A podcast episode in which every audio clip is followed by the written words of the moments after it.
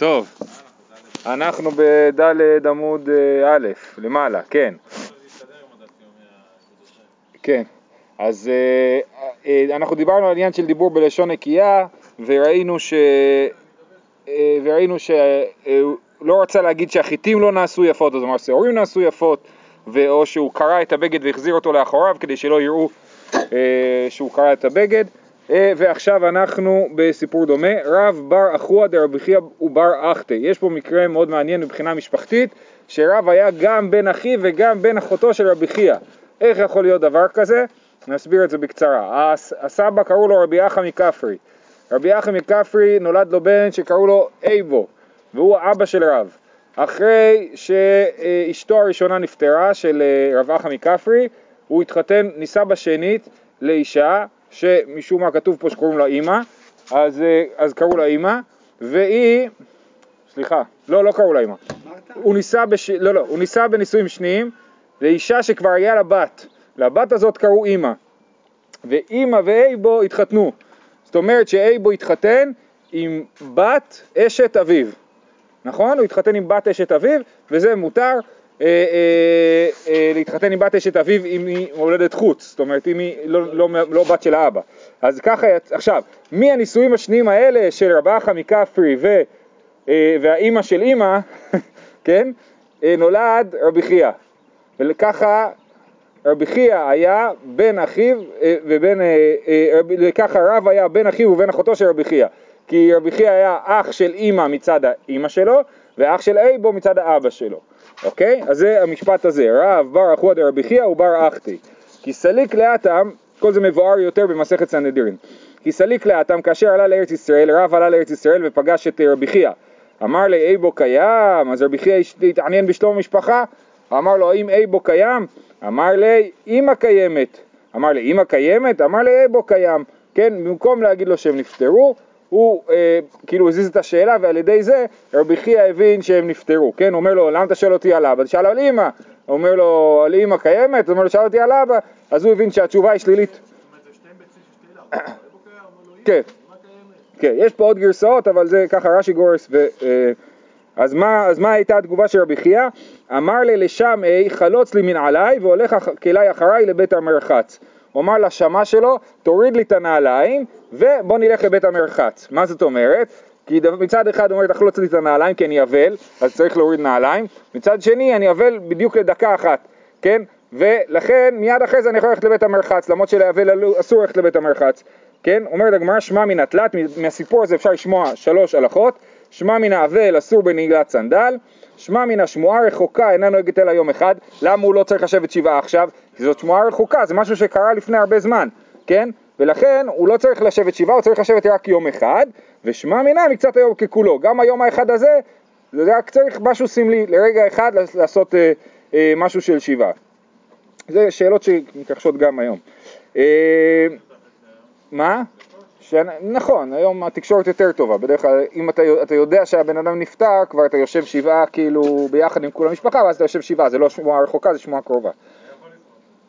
כן, אה, אוקיי, עוד אה, סיפורים על, אה, על שפה, על מילים, ההוא דאמר דונו דיני, היה אחד, אתם מכירים כאלה יהודים, שכל דבר אמר יאללה בוא נלך לבית משפט, כן? בוא בוא, זה... עמית סגל, כן? על כל דבר אמר בוא נלך לבית משפט. אמר ישמע מינה מדן קעתי, סימן שהוא משבט דן, דכתיב דן ידין עמו כאחד שבטי ישראל, כן? לדן יש את העניין הזה של לדון, לדון דין. כל דבר הוא לא רצה לבוא, לא לפנים משורת הדין ולא זה, הוא אמר בוא, על כל דבר נלך לבית משפט, שם נסדר את העניינים, אז אמרו משבט דן. ההוא דאבה כאזיל ואמר, אכיף, עקף ימה, אסיסני בירתה. נסביר לפי הפירוש השני ברש"י, על חוף הים, אה, כל סנה, כל שיח הוא ברוש. כן? זאת אומרת שהוא היה מגיע לחוף הים, הוא היה חושב שזה מקום יפה וטוב, וכל שיח שם אמר תראו איזה ברוש יפה, כן? אז אמרו, בדקו והשכחו דמזבולון קעתי, דכתיב זבולון לחוף ימים משכון, כן? מי שמרגיש משיכה לים, משיכה לחוף, כנראה שהוא משבט זבולון. יופי, בזאת סיימנו את סוגיית הלשון וחוזרים לשאלה, לסוגיה... עד עכשיו דיברנו על שפה, נכון? כן. אה, אה, אז עד עכשיו דיברנו על, על מילים, על איך מדברים וכולי, אה, ועכשיו אנחנו עוברים ל, ל, לשאלות של אה, חמץ, כן? לעניין הזה של בדיקת, רלוונטי, כי זה לא קשור. של בדיקת חמץ. לא לא נקייה. לא, לא נקייה ולא נקייה, אבל ס... נכון, זה לא קשור לשפה נקייה, זה כן קשור לשפה, כן, למילים, איזה מילים אתה משתמש, איזה, איזה סוג של אמירות אתה אומר, מזה אנחנו יכולים ללמוד עליך דברים. על איך אתה... כמו שראינו שמי שמשתמש, ב... אומר זנב לטאה, הוא, הוא אדם אה, לא ראוי, יש פה שמץ פסול. שחץ פסול. ואשתא דקיימא לן דלכולי עלמא אור אורתו אחרי שסיכמנו שכולם מסכימים שאור לארבע עשר זה בדיקת חמץ, צריכים לעשות אותה בלילה. עכשיו צריכים להבין מה הגיוני בזה. הרי אומרת הגמרא, מיכדי בין לרבי יהודה בין לרבי מאיר, חמץ אינו אסור אלא משש שעות ולמעלה. ממתי מתחיל הזמן שאסור איסור חמץ? אז התשובה היא כזאת, מדאורייתא מחצות היום. חצות היום, עכשיו רק צריך להבין את זה, אה, כשמדברים על שעות זה קצת מבלבל, חצות היום הוא בסוף השעה השישית, לא בתחילת השעה השישית. השעה, תחשבו על השעון, כן? על השעון, תחשבו על חצות היום, המחוג למעלה, אז השעה השישית היא, היא לפני חצות היום, כן? ואחרי זה מתחילה השעה השביעית. אז... בדיוק. כמו שילד בן שנה, סימן שכבר עברה עליו שנה. אז אם הוא בן שנה וחצי, אז הוא באמצע שנתו השנייה. אז כשאני אומר שש וחצי שעות, אני מתכוון שש שעות שלמות, ועוד חצי מהשעה השביעית. בכל אופן, אז, אה, אז אה, מדאורייתא אה, איסור אכילת חמץ מתחיל בסוף השעה השישית, בחצות היום. אבל מדי רבנן, גם רבי יהודה וגם רבי מאיר מסכימים שהחמירו להוסיף שעה אחת מדי רבנן שאסור לאכול חמץ כבר מתחילת שעה שישית, לא מסוף שעה שישית אלא מתחילת שעה שישית. אומרת הגמרא, בין לרבי יהודה מיכדי, בין לרבי יהודה, בין לרבי מאיר חמץ אינו אסור אלא משש שעות ולמעלה, זאת אומרת מתחילת השעה השישית, ונבדוק בשיט, אז נבדוק בשעה השישית, וכי תימא זרזין מקדים למצוות, אתה יודע מה, אתה רוצה להגיד לי שזה לא טוב, שצריך להקדים למצוות? נבדוק מצפרא, כמה אפשר כבר להקדים למצוות? מהבוקר, דכתיב וביום השמיני מול בשר עולתו, ותניא כל היום כולו כשר למילה, אלא שזריזים מקדים למצוות, שנאמר וישכם אברהם בבוקר, כן? אז, אז לגבי ברית מילה, שיש עניין להקדים למצוות כמה שיותר מהר בבוקר לקיים את מצוות ברית מילה, יש גם שיקולים אחרים אה, שלפעמים גוברים על השיקול הזה, כן?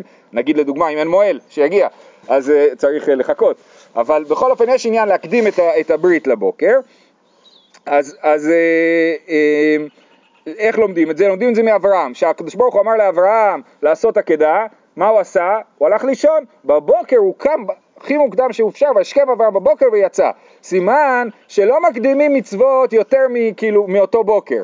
אז כן, אברהם היה צריך לצאת לעקדה, הוא לא יצא בלילה, הוא יצא בבוקר.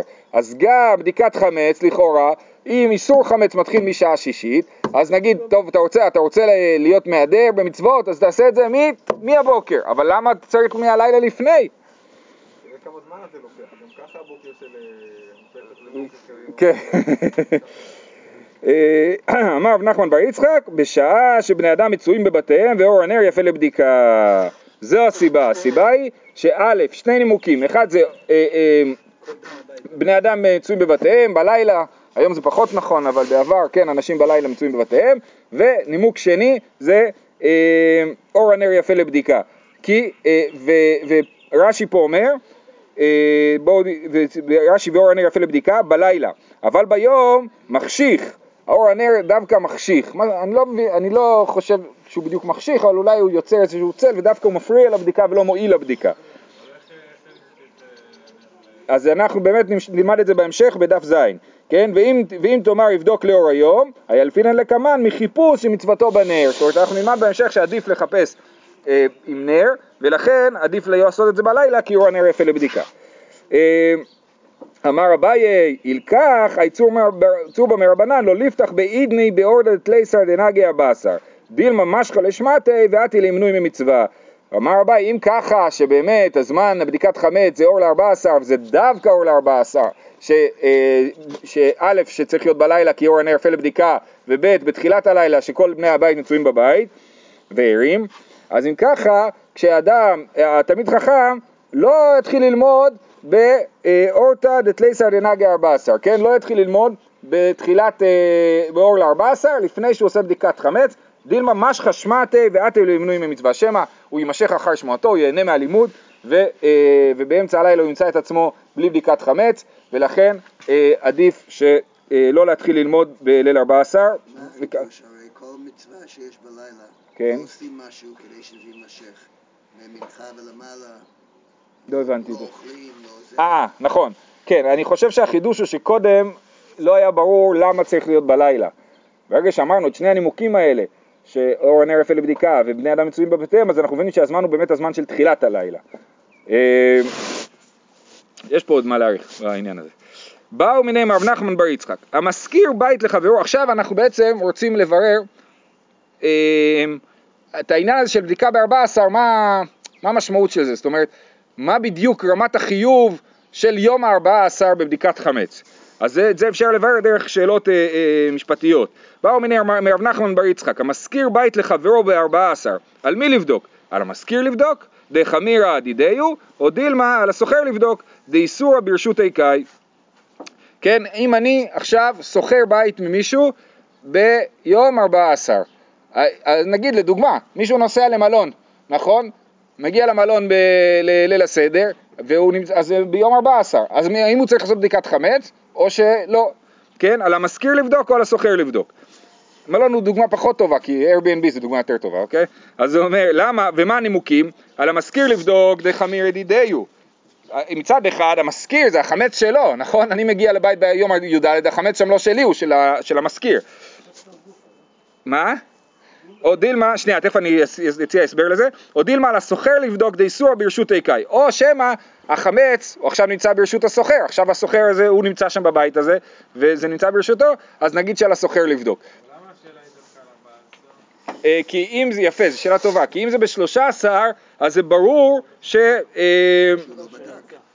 לא אבל פה זה לא שאלה אם הוא בדק או לא בדק, השאלה היא על מי החיוב לבדוק. התחיל החיוב, כן?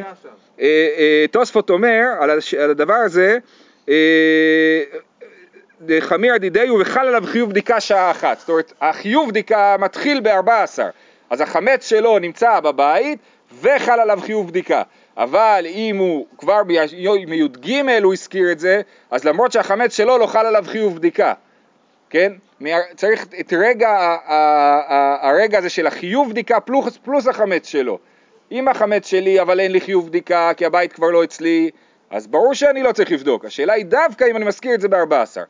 על פני יהושע מציע להסביר את, ה, את ההתלבטות הזאת כמו מחלוקת רש"י ותוספות שראינו בדף ב'. מה ראינו בדף ב'? ראינו שלפי רש"י בדיקת חמץ היא על מנת שלא יעבור על בל יראה ובל יימצא, ולפי תוספות זה לא נכון, כי אתה לא עובר על בל יראה ובל יימצא ברגע שאתה עושה ביטול חמץ, ובדיקת חמץ נועדה שלא תמצא בטעות איזה אוכל אה, חמץ ותאכל אותו, כן? או, או שיהיה דעתך עליו. אז אומר פני יהושע, זאת בדיוק השאלה פה. האם אנחנו הולכים לפי הבעלות של החמץ, ומי שהבעלים של החמץ הוא עובר על הבל יראה ובל יימצא, אז זה הרעיון של חמיר דידי, הוא המשכיר, צריך לדאוג שלא יהיה לו שום חמץ, ולכן הוא צריך אה, אה, לעשות בדיקת חמץ. או שמא הסיבה שבדיקת חמץ זה בשביל שלא תמצא בטעות חמץ בפסח, וזה רלוונטי דווקא לסוחר של הבית ולא למשכיר של הבית, כי הוא זה שיהיה בפסח בבית הזה. יש כן. אה, יש שם, אנחנו עוד נדבר, לפי הדיון הזה. נכון, לא, אם הדירה ריקה ואין בה חמץ, ברור שלא. לא. אה, לפי, נכון, לפי הרעיון של תוספות, כאילו אתה לא תצטרך לעשות בדיקת חמץ, אבל זה לא נכון באמת, אנחנו, זה, אנחנו נדבר על זה, תלוי מתי אתה יוצא מהבית. טוב, הלאה. אומרת הגמרא, תשמע, משכיר בית לחברו, על הסוחר לעשות לו מזוזה, כן? אם אתה משכיר בית למישהו, אז הסוחר צריך לעשות מזוזה, לא המשכיר. אז סימן שגם פה הסוחר צריך לבדוק חמץ ולא המשכיר. אומרת הגמרא, אה, אמר רב משרשיה, מזוזה חובת הדרי.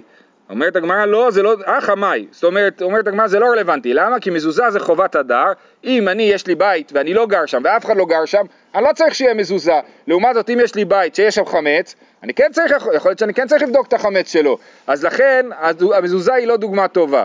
אלא השאלה היא פה באמת, על מי הטילו חכמים את חובת בדיקת חמץ בליל 14, על המשכיר או על הסוחר, מי שיהיה שם בפסח או על מי שהיה שם עד עכשיו.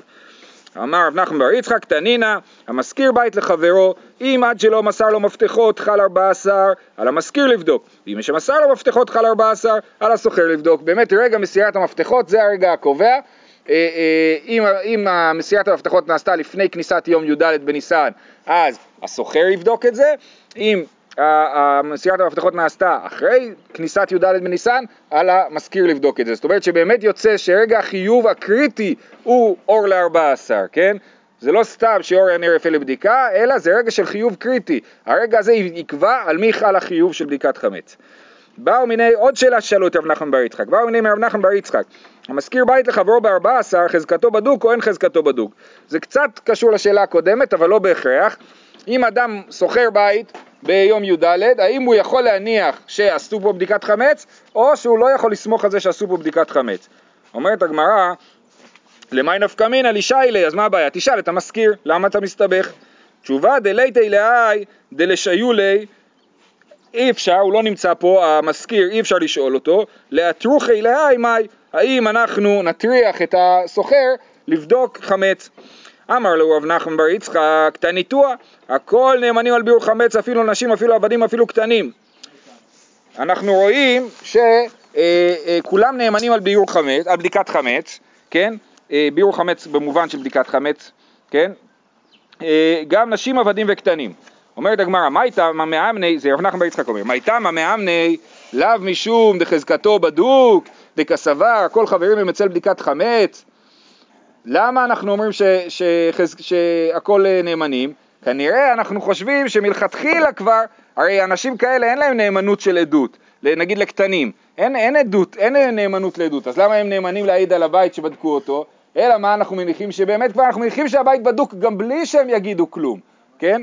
כי דקסבר, הכל חברים הם אצל בדיקת חמץ, כולם הם בגדר של חבר ביחס לבדיקת חמץ, דתניא, חבר שמת והניח מגורה מלאה פירות, אפילו הן בני יומן, הרי הן בחזקת מתוקנין.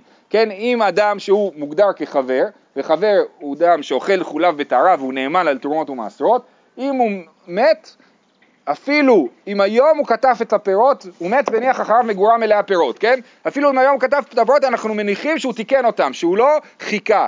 הוא ברגע שהוא סיים לכתוב, סיים, ברגע שזה התחייב בתרומות ומעשרות, הוא הפריש תרומות ומעשרות. אז החבר לא מחכה ומתקן מיד את הדבר הזה. אז גם לגבי בדיקת חמץ, אנחנו חושבים שהכל חברים אצל בדיקת חמץ, וכולם, מתי הם אה, בודקים חמץ? מתי שצריך, ברגע של י"ד בניסן, באור ל-14, ולכן אם מישהו נכנס לבית בי"ד בבוקר, הוא יכול לסמוך על זה שבדקו את החמץ. ו... זה, זה עובדה שעבדים ונשים וקטנים נאמנים, אז סימן שכולם חברים אצל בדיקת חמץ. אה, למה? כעובדה, כי אנחנו רואים שהעולם אה, מקפיד על הדבר הזה. יש כזה סשן של מצוות חביבות שאנשים הקפידו בהן. כן, נכון, הגמרא לא אומרת את זה, אנחנו, זה מה שאנחנו רואים, נכון. אומרת הגמרא זה לא תירוץ, זה לא הסבר טוב, למה? וממאי דילמה שני אחא משום דקה אמרי. אומרים לא, זה לא שהבית הוא בחזקת בדוק, אלא הם אומרים שהבית בדוק, אם הם לא היו אומרים שהבית בדוק, לא הייתי סומך על זה. אומרת הגמרא, עטו אמירה דהנה מידי משש היית בי, אבל האמירה שלהם היא אמירה חסרת משמעות, אין להם נאמנות, הם לא נאמנים להיות עדים. אלא מאי, דחזקתו בדוק, היי הכל נאמנים, כל הבתים בחזקת בדוקים, בארבע עשר מבא אלי. זאת אומרת ככה, אומרת הגמרא, אני אסביר את מהלך הדברים. הגמרא אומרת, למה אין להם נאמנים? אין להם נאמנות. כנראה שהבתים בחזקת בדוקים. אומרת הגמרא, לא, אולי זה כן האמירה שלהם, אולי האמירה שלהם היא זאת שמשנה, ואז היא אומרת, אבל האמירה שלהם אין לה, אין לה משמעות. אז אומרת הגמרא, אז מה אתה רוצה להגיד שהאמירה שלהם אין לה משמעות וזה לא קשור לאמירה שלהם? אז אם ככה, למה הברייתא אומרת הכל נאמנים? היא הייתה צריכה להגיד, הכל הבתים בחזקת בדוקים, בלי אמירה. מה זה הכל נאמנים? בכלל לא קשור, אין להם נאמנות לעניין הזה. מה הבעיה להגיד שאנחנו מאמינים שהם עשו את זה? או, מה אומרת הגמרא? אה, אלא מים משום אמירה דעני, לא אמירה דעני לא. תפשוט מיני ד... אוקיי, אומרת הגמרא, עכשיו אפשר יותר מזה, אפשר ללמוד להפך, שאם הם לא מדברים, אז הבית הוא לא בחזקת בדוק. סימן שסתם בתים הם לא בחזקת בדוקים, ועובדה שאני צריך לחכות ולשמוע מה יש לאנשים להגיד, כן? אז אומרת הגמרא, גם זה לא נכון, גם את זה אי אפשר ללמוד מפה.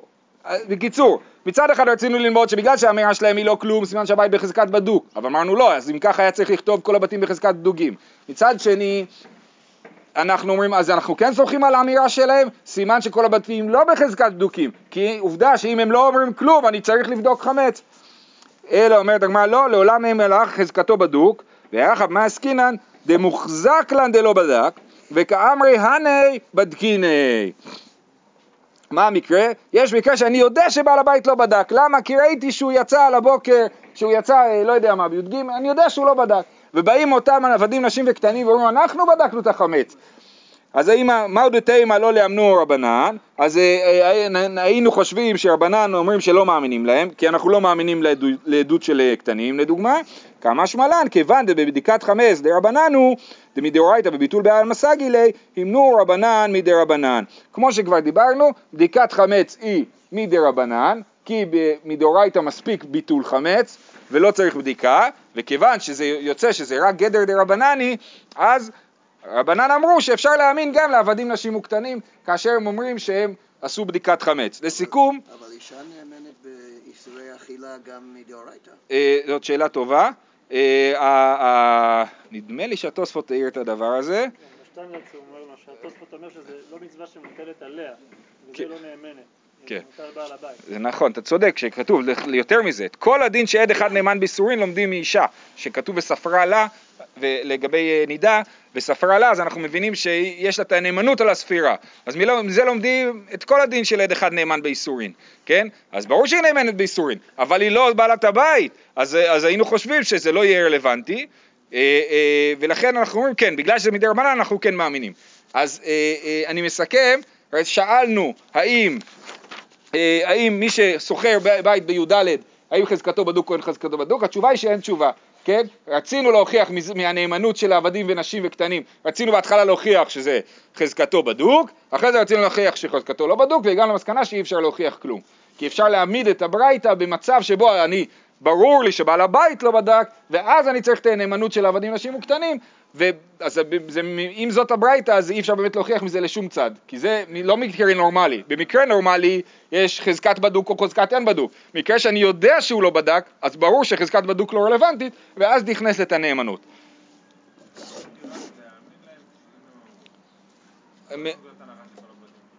נכון, את זה אנחנו לא, לא הגענו למסקנה כזאת, כן. ממשיכה הגמרא ואומרת ככה, היא באה אלו, עוד שאלה, המשכיר בית לחברו בחזקת בדוק ומצאו שאינו בדוק מהו? מיהווה כמקח טעות או לא? אנחנו סיכמנו שאני נכנס ל-Airbnb בי"ד ניסן בבוקר ושהבית אני מקבל אותו כבר בדוק בדיקת חמץ, כן?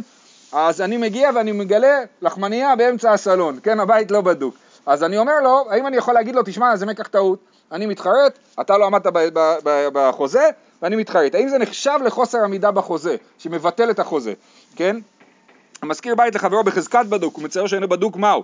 מיהווה כמקח טעות או לא?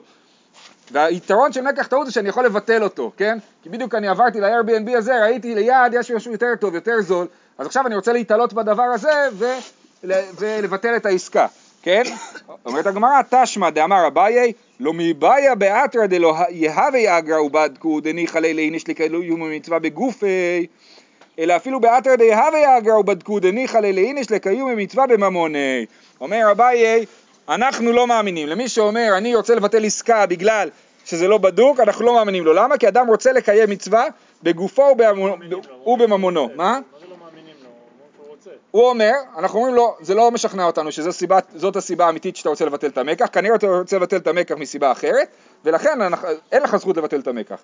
עכשיו, אומר אביי, יש מקומות שאנשים בעצמם בודקים, ואז ברור, כי אדם רוצה לקיים מצווה בגופו, ויש מקומות שאנשים לא בודקים בעצמם אלא סוחרים בודקים אחרים שיבדקו, אז אפילו שם אביי יגיד, אפילו שם אומר אביי, שאדם יגיד ניחא ליליניש לקיים מצווה בממוני, כן? אדם, נוח לו לקיים מצווה בממונו, וזה לא אה, תירוץ טוב לכך שהוא אה, אומר אני רוצה לבטל את העסקה.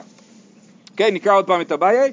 דאמר אביי, לא מבעיה באתרא דלא יהווה אגר ובדקו, כן? לא רק במקום שבו לא נותנים שכר ובודקים דניחא ליליניש לקיים מצווה בגופי, אלא אפילו באתרא דהווה אגר ובדקו, אפילו במקום שסוחרים אנשים אחרים שיבדקו, דניחא ליליניש לקיים מצווה בממוני. למה? עסקאות. לא. אין הגנה על הצרכן, כן. כן, ברגע שאתה אומר שזה לא, שזה לא תירוץ לביטול המקח, אז... אה, אה, אה, אתה משליך את זה, כן, מעניין. אה, אפשר להגיד יותר מזה, להגיד ספציפית על הסעיף הזה בחוזה, כן? שאנחנו מסכמים שאתה בודק ואין לי שיניים לחוזה, לסעיף הזה בחוזה, בגלל שאתה אומר, גם אם הוא לא יבדוק, אה, זה לא מבטל את המקח, נכון? אז בסדר, אז כתבתי שאני אבדוק ולא בדקתי, אז מה? נכון? אה, בסדר, צריך לעשות את זה, את החוזה יותר משוכלל, להגיד, אם לא תבדוק, תחזיר לי סך מסוים, וזה כן יכול לעבוד.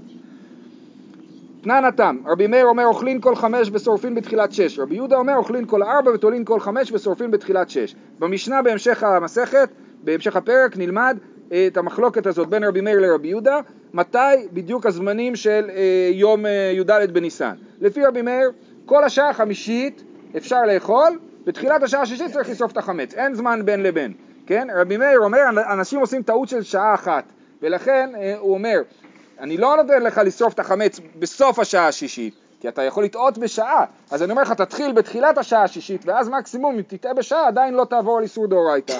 אז לכן אוכלים בתחילת שש, אוכלים כל חמש ושורפים בתחילת שש. אה, ורבי יהודה אומר, אוכלים כל ארבע ותולים כל חמש ושורפים בתחילת שש. כל השעה הרביעית אוכלים. בשעה החמישית לא אוכלים ולא שורפים, לא צריך עדיין לשרוף, וגם אסור לאכול כבר, כי הוא מחמיר, הוא אומר אתה יכול לטעות בשעתיים וחס ושלום תאכל בשבת, ב, ב, סליחה, בזמן איסור חמץ תאכל חמץ, אז לכן אנחנו מחמירים עליך שעתיים, אבל בשעה החמישית הזאת אתה לא צריך עדיין לשרוף את החמץ, מצד אחד, מצד שני, עכשיו למה שלא תשרוף את החמץ כבר מקודם? כי אולי יש לך שם תרומה, כן? אולי יש לך שם תרומה שהיא חמץ, ותרומה שהיא חמץ אסור לך לשרוף סתם, בלי סיבה. אתה יכול לשרוף את התרומה של החמץ רק בשעה השישית, ששם זה כבר מתחיל האיסור של החמץ, אנחנו נדבר על זה באריכות מדף ט"ו ואילך. אה, אז, אז אומר רבי מאיר, אה, רבי יהודה אומר, אוכלין כל ארבע, וככה אנחנו פוסקים להלכה גם, אוכלין כל ארבע, תולין כל חמש ושורפין בתחילת שש. דכולי עלמא חמץ משש שעות ולמעלה אסור. מנהלן, מאיפה בכלל בא הרעיון שחמץ אסור באמצע יום י"ד? לכאורה, מתי אסור לאכול חמץ? מליל הסדר, משקיעת החמה ביום י"ד. למה אתה אומר שאיסור החמץ מתחיל באמצע היום? אמר אביי, תרי קראי כתיבי. כתיב שבעת ימים שאור לא יימצא בבתיכם. וכתיב, אך ביום הראשון תשביתו שאור מבתיכם. מה היחס בין שתי הפסוקים האלה? אומר רש"י, אה, שבעת ימים שאור לא יימצא בבתיכם, אפילו שעה אחת בתוך השבעת ימים. וכתיב אך ביום הראשון תשביתו, הרי שעה בו שעה אחת. מה זה היום הראשון? אם היום הראשון הוא כבר ט"ו ניסן, הוא כבר חלק מפסח, אז איך יכול להיות אך ביום הראשון תשביתו? אך ביום הראשון תשביתו, זאת אומרת שבאמצע היום תשביתו שאור מבתיכם, אבל כבר אתה אומר שמתחילת היום אסור שיהיה לך שאור, אז איך זה מסתדר? הכיצד? לרבות ארבעה עשר לביאור. כן? לרבות שכבר באמצע היום, אז אך ביום הראשון, אז היום הראשון זה לא היום הראשון אלא היום לפני, כן? ויש פסוקים נוספים שבהם רואים את הדבר הזה, שקוראים ראשון ליום לפני, אנחנו נראה את זה בדף אה, של מחר. אה, רק עוד דבר יפה ברש"י, תסתכלו בעמוד הבא, אה, בדיבור מתחיל אך חילק, בסוף הדיבור, הוא אומר ואיכא דאמר אך הוא חץ בגימטריה. דאחס בתא גיף דחץ. מה זה הדבר הזה? אוקיי? Okay? אז כמו שיש אטבש, יש עוד כל מיני כתבים, יש אלבם וכולי. זה כתב שמורכב מסדרות של, אה, אה, לחלק את כל האותיות לש, לשלוש, ובכל אה, סדרה יש ש, שמונה, יש שמונה אותיות. אני עושה, רושם א' עד ח', ליד זה אני רושם ט' עד האות השמינית, משם, והנה אה, אני יודע. אה, והאות השלישית זה סמך, כן, השורה השלישית מתחילה מסמך עד, עד ת', כן? ואז אני פשוט משתמש, אז אם אני רוצה לכתוב א' אני כותב ח', אם אני רוצה לכתוב ח' אני כותב ס', אם אני רוצה לכתוב ס' אני כותב א', בסדר? זה הכתב הזה שנקרא אחס בתא גיף דחץ, כן? אז אם אני רוצה לכתוב, אז אם אני כותב אח, ואני עושה, מפעיל על זה את ה... כאילו את המפתח הצפנה הזה, אז יוצא לי חץ, האלף הוא, הוא ח' וה, והכף הוא צדיק, אז יוצא שהוא חץ. ואז אח ביום הראשון זה חץ ביום הראשון, חץ מהמילה חצי, כן? אז חצי של היום הראשון מותר בחמץ וחצי מהיום הראשון, אח ביום הראשון תשבית זרוע מבתיכם, והיום הראשון אמרנו שהוא י"ד בניסן. זהו, עד כאן להיום. לא הבנתי.